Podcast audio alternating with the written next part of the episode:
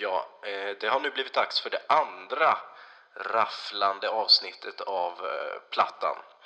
Eh, så, Plattan i mattan. Nu kör vi.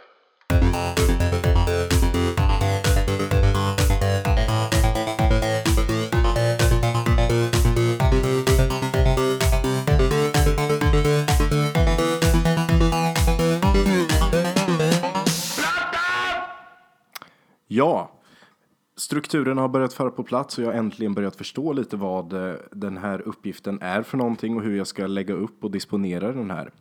Eh, vi kommer röra oss ganska kronologiskt genom kursens gång, så eh, ja, så fort vi har haft ett seminarium eller en föreläsning eller liknande om något nytt som vi har lärt oss eller som vi ska lära oss, så kommer jag att göra ett avsnitt och ta upp det här helt enkelt. Och jag kommer gå igenom lite vad vad vi har lärt, lärt oss, vad vi skulle ha fått lära oss och vad vi kanske inte lärde oss. Samtidigt som jag tänker ge en, en egen prägel och dela mina egna tankar och idéer kring det här.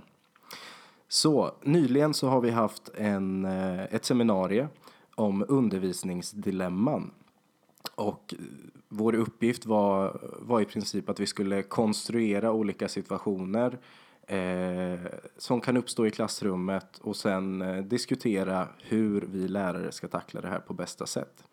Eh, det var i alla fall i de, den riktningen som, som min grupp rörde sig. Så vårt undervisningsdilemma som eh, fick mest ja, mest spridning i klassrummet, det handlade om elever med extrema åsikter. Eh, och då pratar vi bland annat om homofobi och kanske människor från en annan kulturell, kulturell eh, världsbild. Eller ja, eh, annan kulturell kontext snarare. Eh, och det vi utgick ifrån det var hur detta ska behandlas, var ska det här behandlas, bör föräldrarna blandas in eh, och finns det risk att eleven tar illa upp vid konfrontation. Eh, och vårt, vårt mål med det här egentligen var att komma fram till någonting någonting konkret där eleven inte kom till skada, eh, ja rent psykiskt egentligen då, utan eh, att det här problemet kunde lösas, kanske utan att eleven själv märker av det och utan att den här personen kanske får hela klassen emot sig och det här är någonting som, eh, som följer med ut på rasterna och kanske till och med hem till den här eleven. Det som diskuterades eh, mest var huruvida läraren ska konfrontera eleven på plats direkt eller om det här är någonting som ska tas med eleven separat efter lektionstillfället eller om det här är någonting som ska försöka strykas över eller suddas ut ur elevernas, elevernas medvetande nästan. Och det som vi i vår grupp då kom fram till var att det finns, det finns väldigt många olika sätt att tackla ett sånt här problem på. Eh, så säg att det är en elev som har uttryckt sig klumpigt, kanske homofobt eller rasistiskt i klassrummet. Eh, och att det är tydligt att det här är en personlig åsikt som den här personen eh, tror väldigt starkt på. Eh, sker det direkt och så måste vi lärare ta tag i det. Det kommer vi fram till ganska direkt. Men hur ska vi då göra så att den här eleven inte tar illa upp? För det finns ja, det finns såklart både fördelar och nackdelar med att behandla det här på olika sätt. Problemet om vi tar upp det i klassrummet med en gång är att det kan bli väldigt tydligt och uppenbart väldigt snabbt för eleven att du har fel och vi har rätt. Och att få eh, ett gäng, ja, mellan 15 och 18-åringar på sig i ett sånt här eh, i ett sånt här sammanhang kan nog inte vara helt enkelt. Så det är viktigt att vi lärare också spelar en tydlig roll i den här dialogen. Eh, och hur vi då ska göra det, det beror helt klart på situationen som sagt. Vi pratade mycket om det här att vi borde försöka skapa en neutral debatt i klassrummet. Eh, där du som lärare faktiskt får agera eh, debattledare utan att blanda in dina egna åsikter.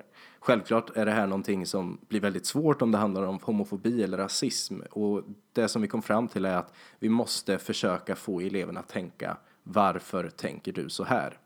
Och utan att få hela klassen att då hugga tillbaks och hugga emot den här eleven.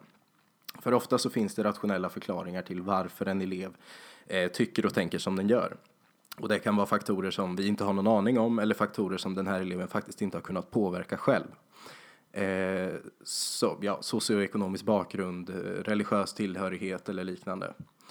Eh, så om vi ska konfrontera den här eleven på plats så måste vi få det här att ske naturligt. Vi måste få eleven att tänka efter. Och förhoppningsvis så räcker det med frågan varför tänker du så här? Kan du berätta mer? Hur, hur skulle du känna om någon annan tänkte så här om dig? Och så vidare. Det här kanske räcker för att faktiskt få eleverna att tänka till och känna, ja men okej, då kanske det, då kanske det går att tänka på något annat sätt, eller jag förstår vad ni menar. Eh, för det är ju faktiskt en del av, eh, av eh, kursmålen att eh, besitta förmåga till perspektivbyte och inlevelse. Så det är mycket möjligt att vi inte kan kan få den här eleven att ändra åsikt som det är just nu. Eh, och det är ingenting vi måste göra heller, för man får tycka och tänka vad man vill och det är någonting som måste framgå väldigt tydligt i klassrummet. Men att den här eleven tar till sig det andra säger och förstår hur de ser på, på sammanhanget som vi just nu diskuterar. Det är väldigt viktigt och väldigt centralt.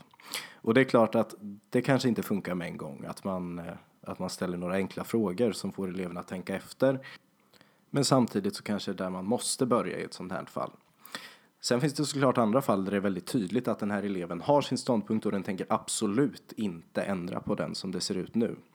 Och då kanske det är rimligare att inte ta upp det här i klassrummet överhuvudtaget. Man kanske kan sätta punkt för diskussionen just nu och eh, ja, stanna, stanna diskussionen innan det går för långt och innan folk börjar eh, bli för personliga i den här debatten. Och självklart så ska man tillåta folk att vara personliga till en viss del. Det är också en del av, av eh, kunskapskraven, förmågan till personligt ställningstagande. Men eh, till en viss gräns så har ju vi lärare också, också ansvar att se till att de här personliga ställningstagandena inte strider mot vad skolan i sig står för. Så är det en elev som är för dödsstraff så måste vi informera den här eleven om att det här är någonting som skolan inte ställer sig bakom och vi har en demokratisk värdegrund och så vidare. Eh, så märker man att det börjar hetta till alldeles för mycket så kanske det är en idé att bryta diskussionen och prata med eleven enskilt. Nu ökar såklart risken för att den här eleven kommer ta, ta det här mycket mer personligt än om man skulle tagit upp det till klassrummet, avhandlat det, alla får ventilera sina åsikter och sen stänger man debatten. Eh, men i vissa fall så kan det såklart finnas, inte finnas någon annan utväg än att ta det här privat med eleven. Eh, och det man ska göra då egentligen, kommer väl fram till, är ju att man absolut inte får, eh, får kränka elevens rätt till att säga och tycka vad den vill. Men samtidigt så måste man informera om att det som du uttrycker dig, eh, eller på det sättet du uttrycker dig i klassrummet, det är inte passande. Och eh, du måste räkna med att du kommer få mothugg och folk kommer att, eh, att reagera på det du säger. Och kanske även jag som, som lärare i de fall där du faktiskt bryter mot eh, skolans värdegrund. Och då kan man även informera om vad den här värdegrunden är för någonting, vad den går ut på och så vidare. Som ni märker så är det väldigt svårt att, att ens prata kring de här problemen Eh, vilket såklart gör det ännu svårare att behandla dem när de faktiskt uppstår. Eh, det känns som att det alltid är någon som kommer komma i kläm om det så är läraren, andra elever eller den här eleven med de kontroversiella åsikterna i fråga. Eh, och det finns alltid en stor risk att eleven tar illa upp. I vissa fall så diskuterar vi även om vi skulle blanda in föräldrarna i, i den här konfrontationen. Om det finns något syfte med att eh, att kontakta föräldrarna och berätta hur den här eleven beter sig i klassrummet eller kanske inte beter sig utan snarare att den har de här uppfattningarna och att det är olämpligt. Eh, och där så stöter vi på ganska mycket mothugg med en gång egentligen för självklart så inser ju vi också att det är ju vuxna människor vi har att göra med till, till viss del, speciellt om det här handlar om de, det sista året på gymnasiet. Eh, då har ju inte föräldrarna någonting med det här att göra egentligen. Eh, men om det är tydligt att eh, det är hemmet som har eh, som, som har präglat den här eleven med, med de här åsikterna så, så kanske det ändå är, finns någon, någon idé med att kontakta föräldrarna. Sen eh, så finns det såklart väldigt mycket problematik i det här också. Eh, att kontakta föräldrarna känns som en sista utväg och fungerar inte den så har man nästan slut på, på lösningar i det här problemet också. Eh, samtidigt som föräldrarna nog till stor del kommer beskylla skolan också för, eh, för det här. Det har ju visat sig att det finns trender som, som rör sig från att det är elevens ansvar till utbildning till att det snarare är skolan som ska utbilda eleven. Eh, och att föräldrarna kanske tidigare har stått på skolans sida och eh, anklagat barnet när det inte har gått så bra i skolan.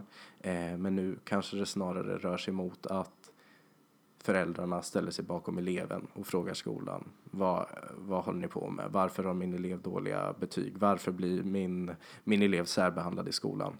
Och en sån här kontroversiell åsikt kanske skulle kunna vara ett sånt tillfälle där föräldrarna undrar eh, varför får den inte tycka så och vad, vad har den gjort för fel?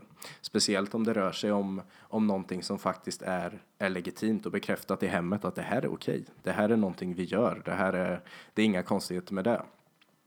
Eh, och där så riskerar vi att få en, en ännu större kontrovers av, av det här som vi, vi tidigare har eh, behandlat.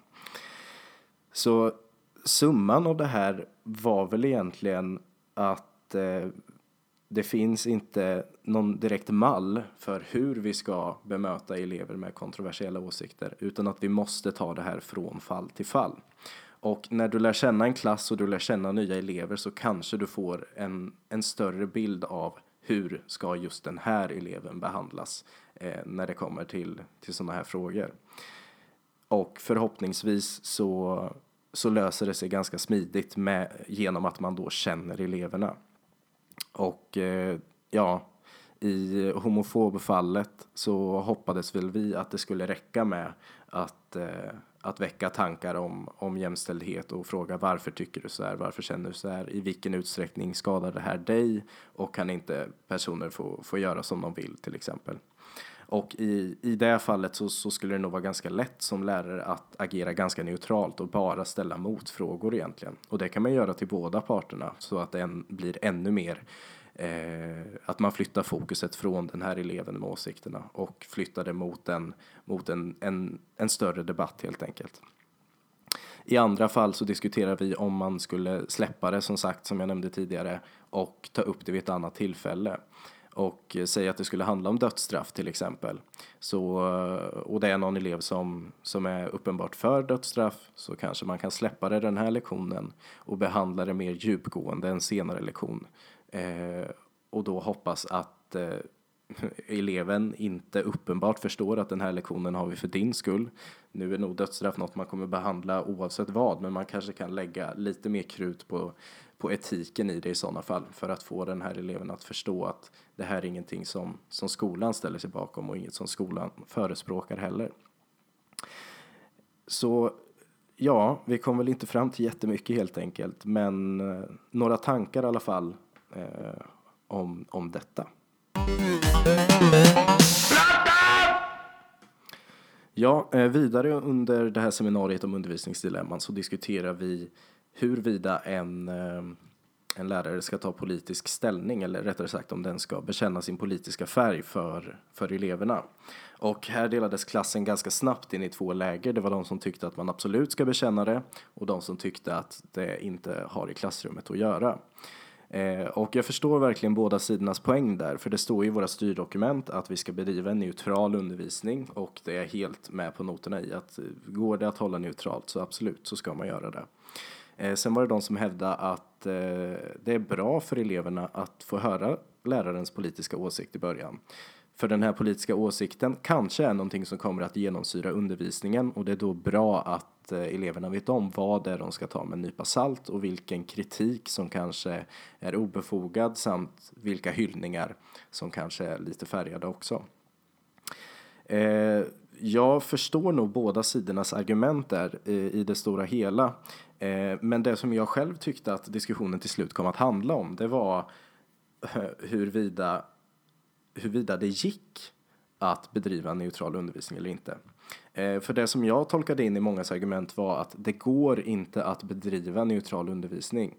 Eh, om du pratar om saker som du brinner väldigt mycket för eller undervisar om någon, någon ideologi som du absolut inte håller med om så kommer det här att visa sig. Och då så handlade diskussionen snarare till slut om går det att bedriva neutral undervisning eller inte? Och där skulle jag personligen vilja säga att jag tror faktiskt att det går att bedriva neutral undervisning. Eh, och det som jag tänker på då är väl eh, framförallt att att jag som lärare faktiskt har en uppgift som handlar om att bedriva neutral undervisning.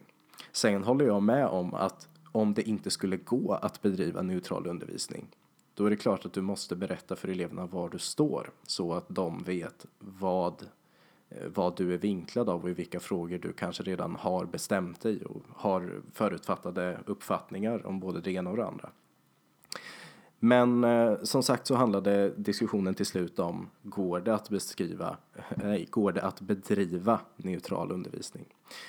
Och det tycker jag är lite spännande för eh, redan i våras så, så hade vi en, eh, en kurs om politisk teori som var väldigt intressant och där så hade vi en, eh, en föreläsare som redan från början berätta vad, vad han stod på den politiska skalan och eh, skulle föreläsa om konservatism bland annat. Vilket också var väldigt tydligt i hans undervisning. Och jag tyckte nog det var det bästa jag hört angående konservatism någonsin. Det är ju, konservatism är något som i alla fall jag har haft väldigt förutfattade meningar om innan. Men det här öppnade verkligen ögonen till, till nya perspektiv. Så om man då skulle koppla det här till att bedriva neutral undervisning så skulle väl jag säga att det handlar inte om att en lärare måste uttrycka sig utan det kan lika gärna vara någon annan som är, är läraren i, i, ja, i undervisningen. Men att det är du som styr den. Så min drömlektion säger att man skulle behandla ideologier där det faktiskt kan, kan uppkomma mycket personliga eh, åsikter och det kanske är svårt för vissa lärare att hålla igen vad de själva tycker. Eh, där skulle min dröm faktiskt vara att, att man har en representant från varje ideologi som verkligen tror och brinner för, eh, för den här ideologin och att de då får undervisa och föreläsa för eleverna. Då tror jag att de faktiskt skulle få en mycket bättre uppfattning än om en lärare ska stå och försöka vara neutral. Eh, för när det handlar om politik och ideologier så, så är det väldigt mycket det är väldigt mycket patos som styr och det är väldigt mycket känslor som kommer att eh, florera i klassrummet. Och jag tror det är bra om det får vara så, men jag tror också det är bra om det inte är läraren som faktiskt eh, står för de här känslorna. Eh, för eh, ja, jag ser att det är väldigt svårt att en, en lärare faktiskt skulle kunna ha ett brinnande tal för socialism samtidigt som den står och föreläser om, om, eh, om liberala ideal eh, på samma sätt. Eh, så ja, det är väl det jag tar med mig från, från den debatten helt enkelt att i vissa frågor så kan det vara svårt att bedriva en neutral undervisning. Men vem är det som säger att det är just du som i just detta tillfälle ska bedriva undervisningen? Ja, något sånt. Då får jag tacka så mycket för eh, den här gången och eh, jag kommer tillbaka snart med ett eh, nytt avsnitt. Får vi se vad som avhandlas då. Ha det, ha det.